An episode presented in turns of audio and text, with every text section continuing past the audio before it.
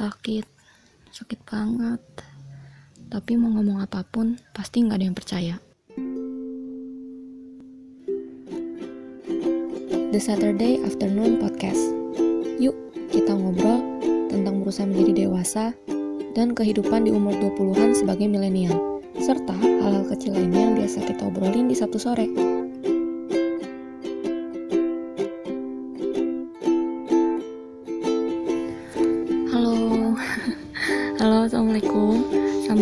Di The Saturday Afternoon Podcast episode 3 Invisible Illness. Panggil aja aku Day dan di episode kali ini aku pengen share sedikit soal invisible illness. Apa itu invisible illness? Bagaimana cerita awal mula aku ngerasain sakitnya? Bagaimana kehidupan aku sehari-hari dengan penyakit yang aku punya ini? Apa yang aku lakuin kalau lagi kambuh dan bagaimana aku berhadapan dengan persepsi orang-orang terhadap penyakit yang nggak kelihatan ini. Sebenarnya alasan aku pengen share topik ini lewat podcast adalah uh, karena pengen sedikit curhat. Dan, dan aku juga uh, ngerasa banyak orang yang bernasib sama dengan aku. Dan menurut aku sih kadang agak sedikit sulit untuk menghadapi apa kata orang tentang kita-kita ini setiap harinya. Apalagi kalau menurut aku sih seenggaknya orang-orang di sekitar aku sendiri masih kurang paham soal konsep invisible illness dan kadang-kadang orang-orang yang sama-sama sakit kayak aku ini tuh sering dipandang sebelah mata dan dianggap normal atau nggak apa-apa. Uh, oh ya disclaimer sedikit, aku di sini pengen sharing aja sebenarnya sebagai sesama penderita dan aku sendiri bukan seorang expert, aku bukan dokter, bukan mahasiswa kedokteran sama sekali nggak punya pengalaman belajar soal medis dan cuma pengen ngobrol aja gitu sama kalian sharing sebagai seseorang yang juga punya invisible illness dan pengalaman-pengalaman aku secara pribadi yang aku alamin. Mungkin akan berbeda dengan pengalaman teman-teman sekalian dan itu nggak apa-apa nggak apa-apa banget.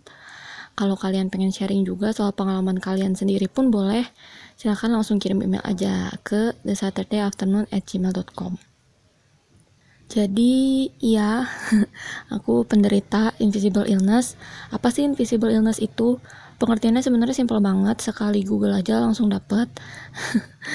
e, sesuai namanya, artinya secara harfiah itu penyakit yang tidak kasat mata.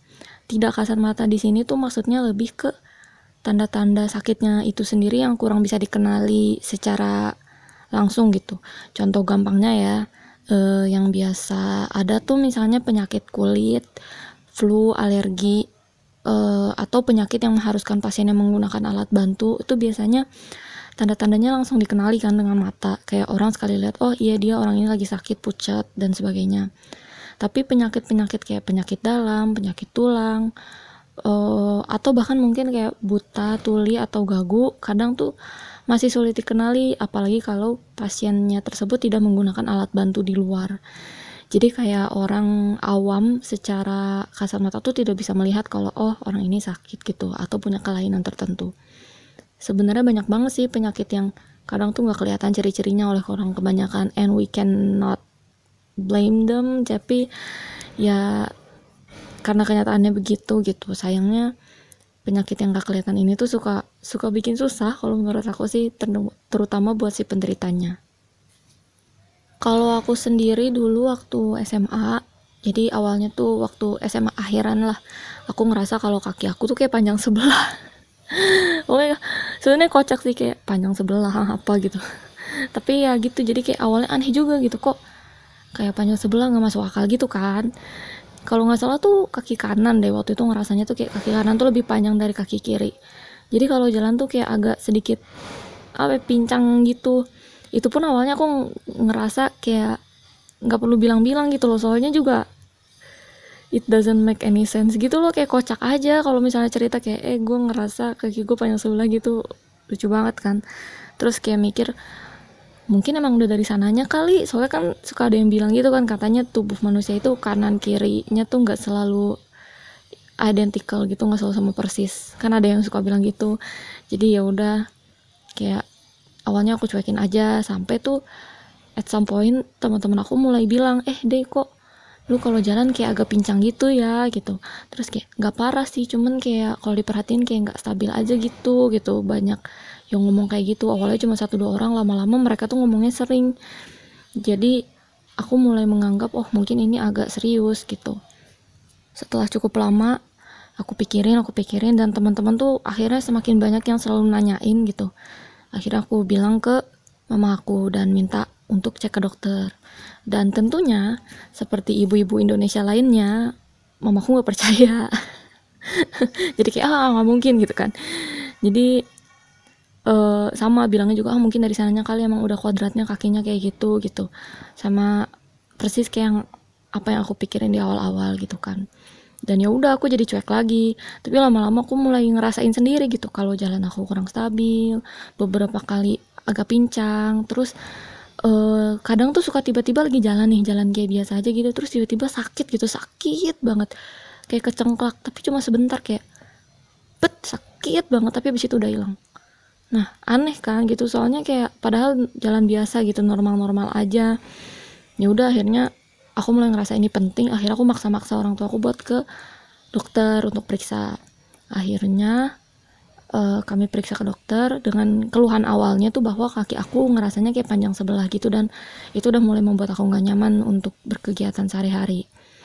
Waktu itu kalau nggak salah tuh langsung ke dokter tulang ya kalau nggak salah.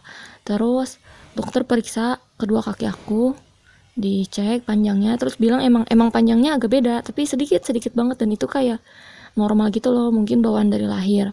Harusnya nggak masalah kata dokter gitu. Terus nggak tahu kenapa aku kayak masih ada yang ngeganjel gitu kan.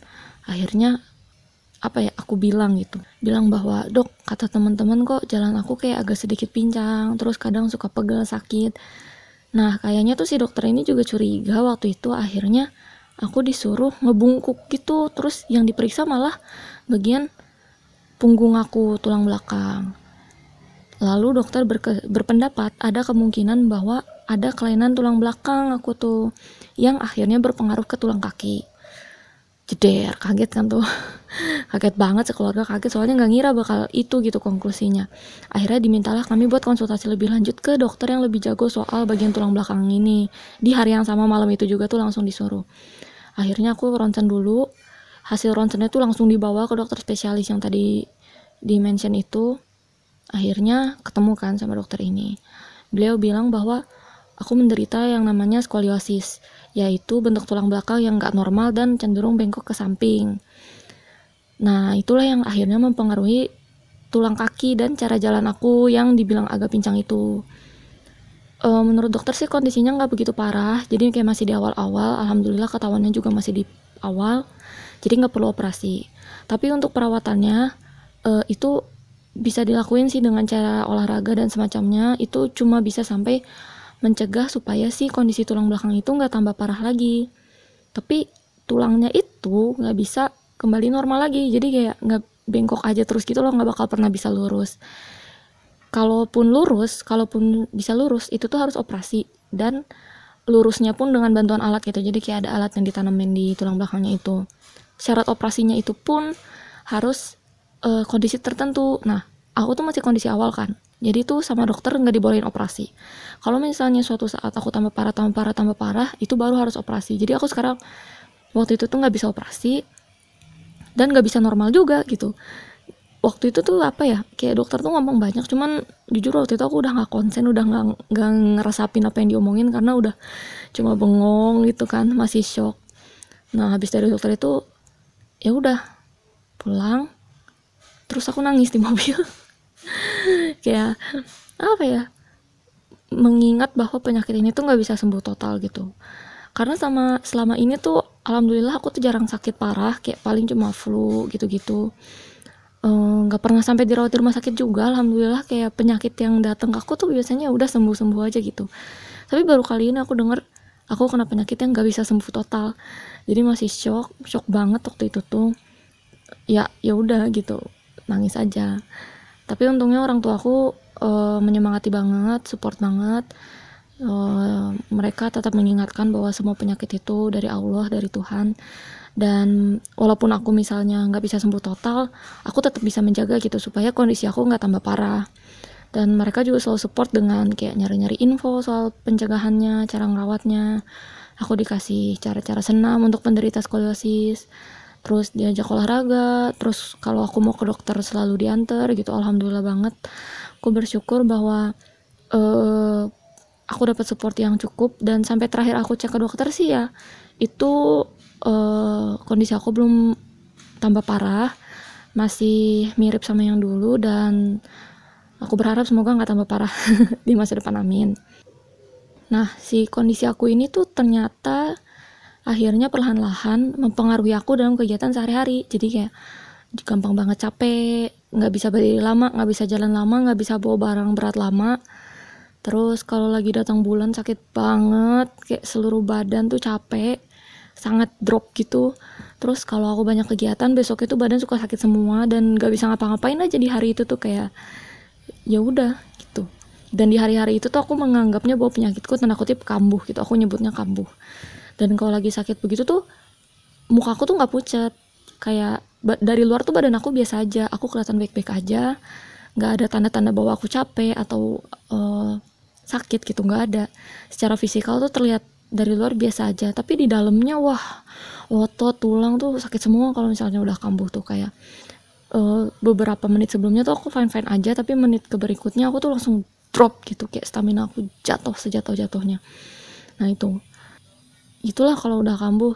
Dan karena aku juga sebenarnya nggak suka kayak pakai obat semacam painkiller gitu jadi kalau badan aku lagi sakit aku nggak minum obat. Dan sama dokter pun gak dikasih obat gitu. Aku bener-bener kalau lagi sakit ya udah tidur aja istirahatin badannya gitu. Nah cuman nakalnya aku itu dulu waktu awal-awal didiagnosa sih aku masih suka jaga badan gitu ya masih suka olahraga masih suka jaga makan. Tapi setelah beberapa lama aku mulai kayak menolak gitu menolak bahwa kenyataan bahwa aku ini sakit. Kalau misalnya ditanya kayak ada penyakit atau enggak aku selalu nggak ngaku. Jadi pas baru masuk kuliah tuh sering banget beberapa kegiatan uh, menanyakan gitu ada penyakit tertentu nggak gitu. Aku selalu bilang enggak nggak punya penyakit nggak punya penyakit gitu. Dan aku berusaha untuk nggak mikirin kalau aku sakit gitu. Karena gimana ya kalau kalau orang tahu orang lain sakit terus kayak pasti dikasihanin kan. Dan aku tuh nggak suka gitu dikasihanin gitu dan teman-teman maksudnya yang ngerasain kayak gini tuh nggak cuma aku gitu. Pastilah dikasihanin pada kalian nggak apa-apa tuh nggak enak banget kan. Terus kayak dianggap lemah lah dianggap apa lah dan aku juga masih beranggapan bahwa penyakit aku ini tuh cuma penyakit biasa yang nggak membuat aku berbeda gitu dari orang normal. Jadi teman-teman aku tuh awalnya pada nggak tahu kalau aku sakit. Until at some point aku mulai merasa risih gitu. Kenyataan bahwa aku kayak nggak bisa kerja keras gitu nggak bisa begadang nggak bisa kerja lama nggak bisa all out kayak teman-teman lain dikit-dikit istirahat dikit-dikit istirahat. Dan istirahatnya pun kayak bukan cuma duduk gitu loh. Aku nggak bisa kalau misalnya lagi kambuh sekambuh kambuhnya cuma duduk. Gitu tuh nggak bakal nggak bakal reda sakitnya. Aku tuh harus tidur. Beneran literally harus tidur ditinggal semalaman gitu coba bayangin kayak lagi acara kampus nih lagi kepanitiaan acara kampus apa udah hamin sekian gitu pokoknya dikit lagi acaranya udah mulai orang-orang pada begadang lah nginep di kampus lah ngerjain kerjaan 24 jam lah terus aku malah tidur. Bayangin betapa kurang ajarnya aku tuh di mata teman-teman panitia yang kerja 24 jam buat acara tersebut ngorbanin segala macam terus aku malah tidur gitu. Kadang teman-teman aku sendiri juga suka nyinyirin gitu kan kayak uh, bilangnya ah aku nggak serius lah cuma numpang nama doang lah sebagai anggota panitia. Cuma ngerepotin lah karena disuruh pulang nggak mau disuruh kerja nggak bisa gitu. Jadi kayak ah apa ya dinyinyirin segala macam lah. Tapi aku di sisi lain nggak bisa nyalahin mereka 100% dong karena akunya sendiri nggak ngaku kalau aku sakit. Aku mikir bahwa aku tuh harus berkorban gitu meskipun fisik aku nggak bisa diajak kompromi. Akhirnya kondisi badan aku mulai ngaruh ke uh, kegiatan aku secara banyak gitu termasuk akademis di kampus aku kebetulan ada mata kuliah olahraga dan di situ tuh mahasiswa dituntut untuk bisa uh, lari keliling lapangan enam kali dalam kurun waktu tertentu. Itu tuh salah satu syarat lulus mata kuliah tersebut. Nah, dosen itu sebenarnya udah memberikan keringanan buat mahasiswa yang punya penyakit. Cuman karena aku nggak ngaku kalau aku sakit, jadi aku tetap lari tuh enam putaran. Akhirnya aku malah melebihi aku malah melebihi waktu maksimalnya dan kondisi badan aku setelah itu langsung down. Dari situlah aku udah sadar aku tuh nggak bisa bohong kalau fisik aku memang berbeda sedikit sama orang lain. Memang aku tuh lemah gitu. Memang aku tuh sakit.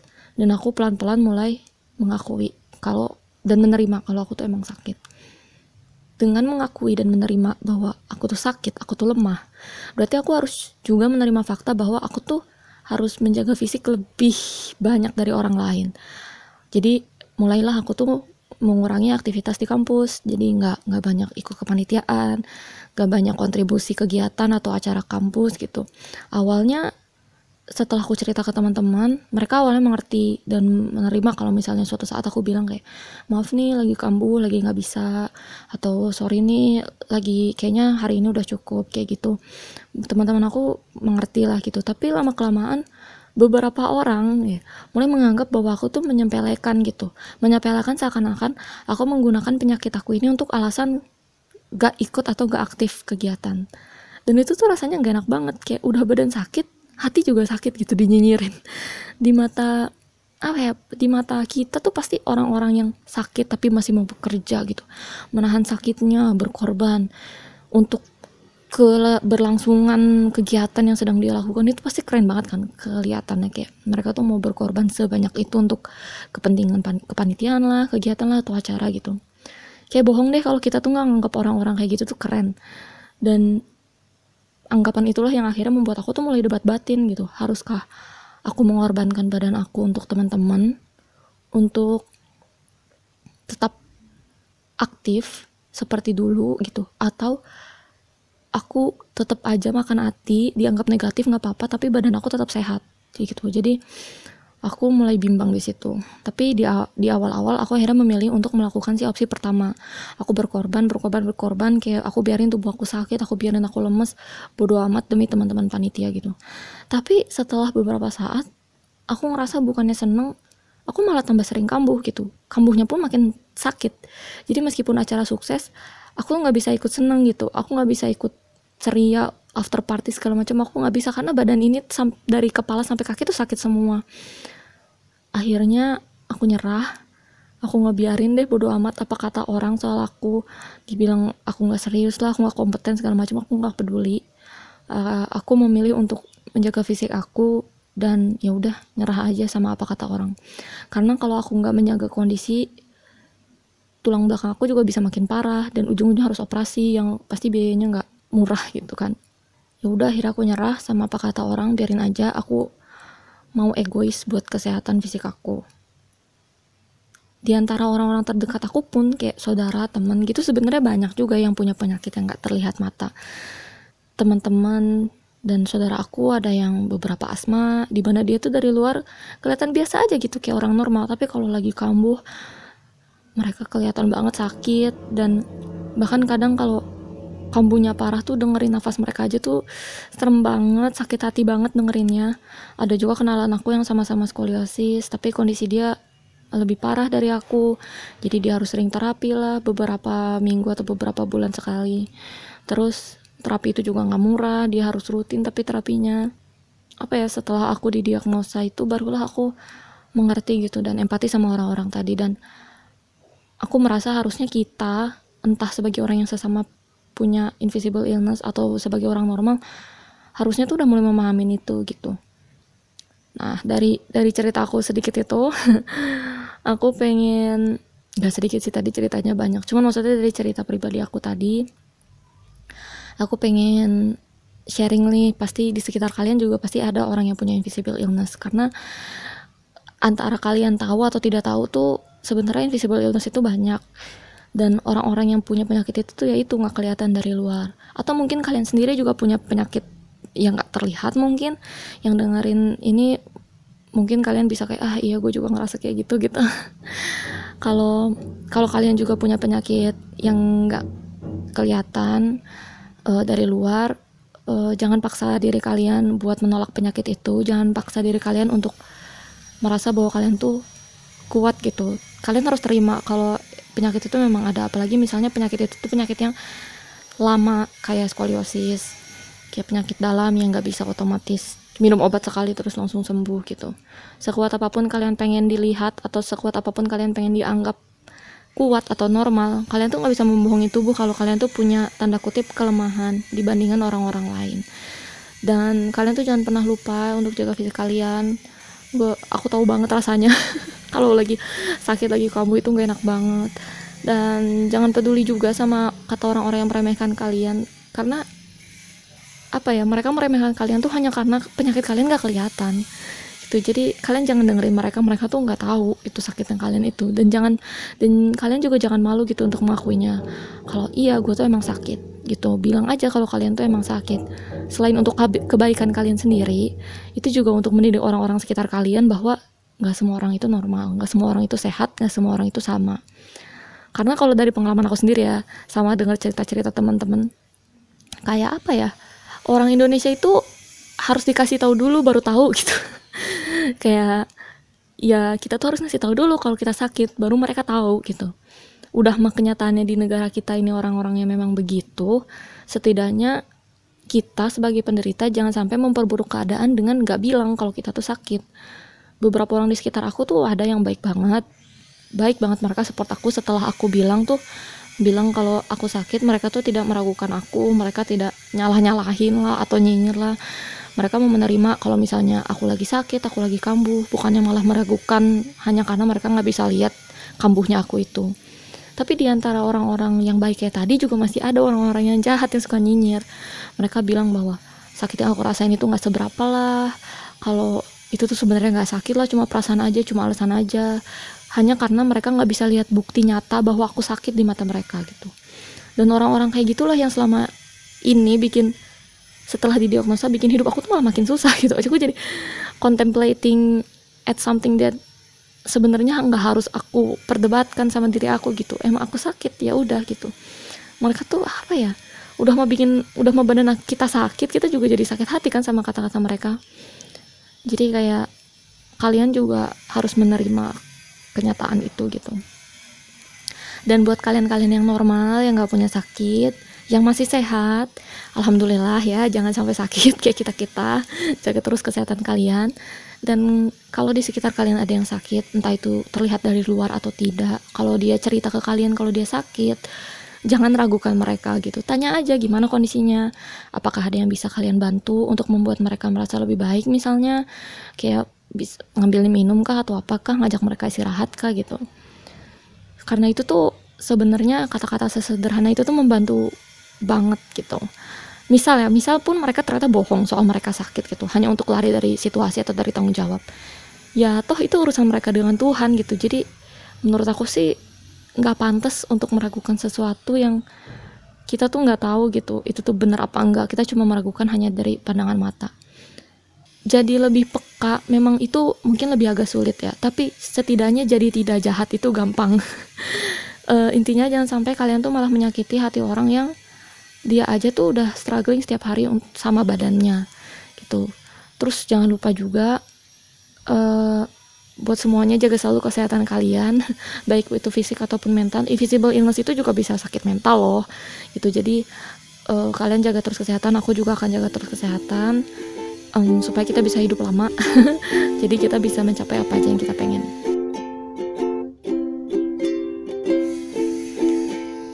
Terima kasih sudah mendengarkan The Saturday Afternoon Podcast episode 4 Invisible Illness sampai akhir. Yeay.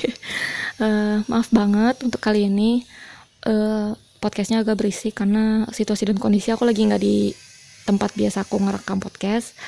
Uh, terus aku ngerasa kayaknya podcast kali ini agak sedikit pendek ya karena um, aku pengen lebih cepet aja gitu podcastnya aku ngerasa kayaknya selama ini agak lama dan pengennya tuh the point aja gitu sama un untuk episode ini sih sebenarnya memang pengen lebih banyak share cerita pribadi sih jadi lebih singkat uh, kalau kalian pengen share cerita kalian soal invisible illness juga misalnya atau cuma pengen ngasih kritik dan saran aja silahkan kirimkan email ke the saturday afternoon at gmail.com the saturday afternoon at gmail.com kalau kalian ingin mengusulkan topik untuk kita obrolin di episode mendatang juga bisa banget kirim aja ke email tersebut. Kalau kalian suka apa yang kalian dengar, jangan lupa di like, favorite, dan share ke orang-orang terdekat kalian ya. Sampai ketemu di episode selanjutnya. Wassalamualaikum, selamat menikmati Sabtu sore kalian.